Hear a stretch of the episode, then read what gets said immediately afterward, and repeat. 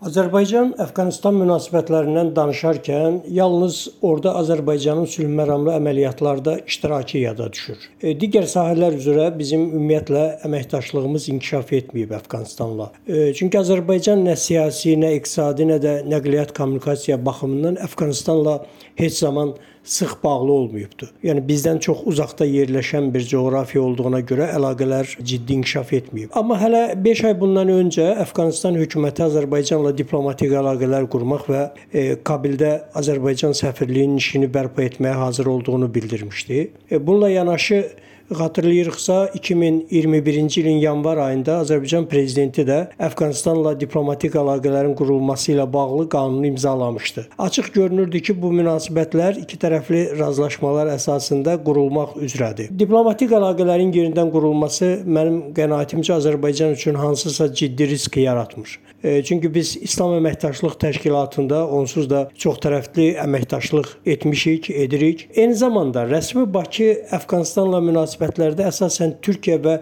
Pakistanla çalışır ki, sinxron davransın.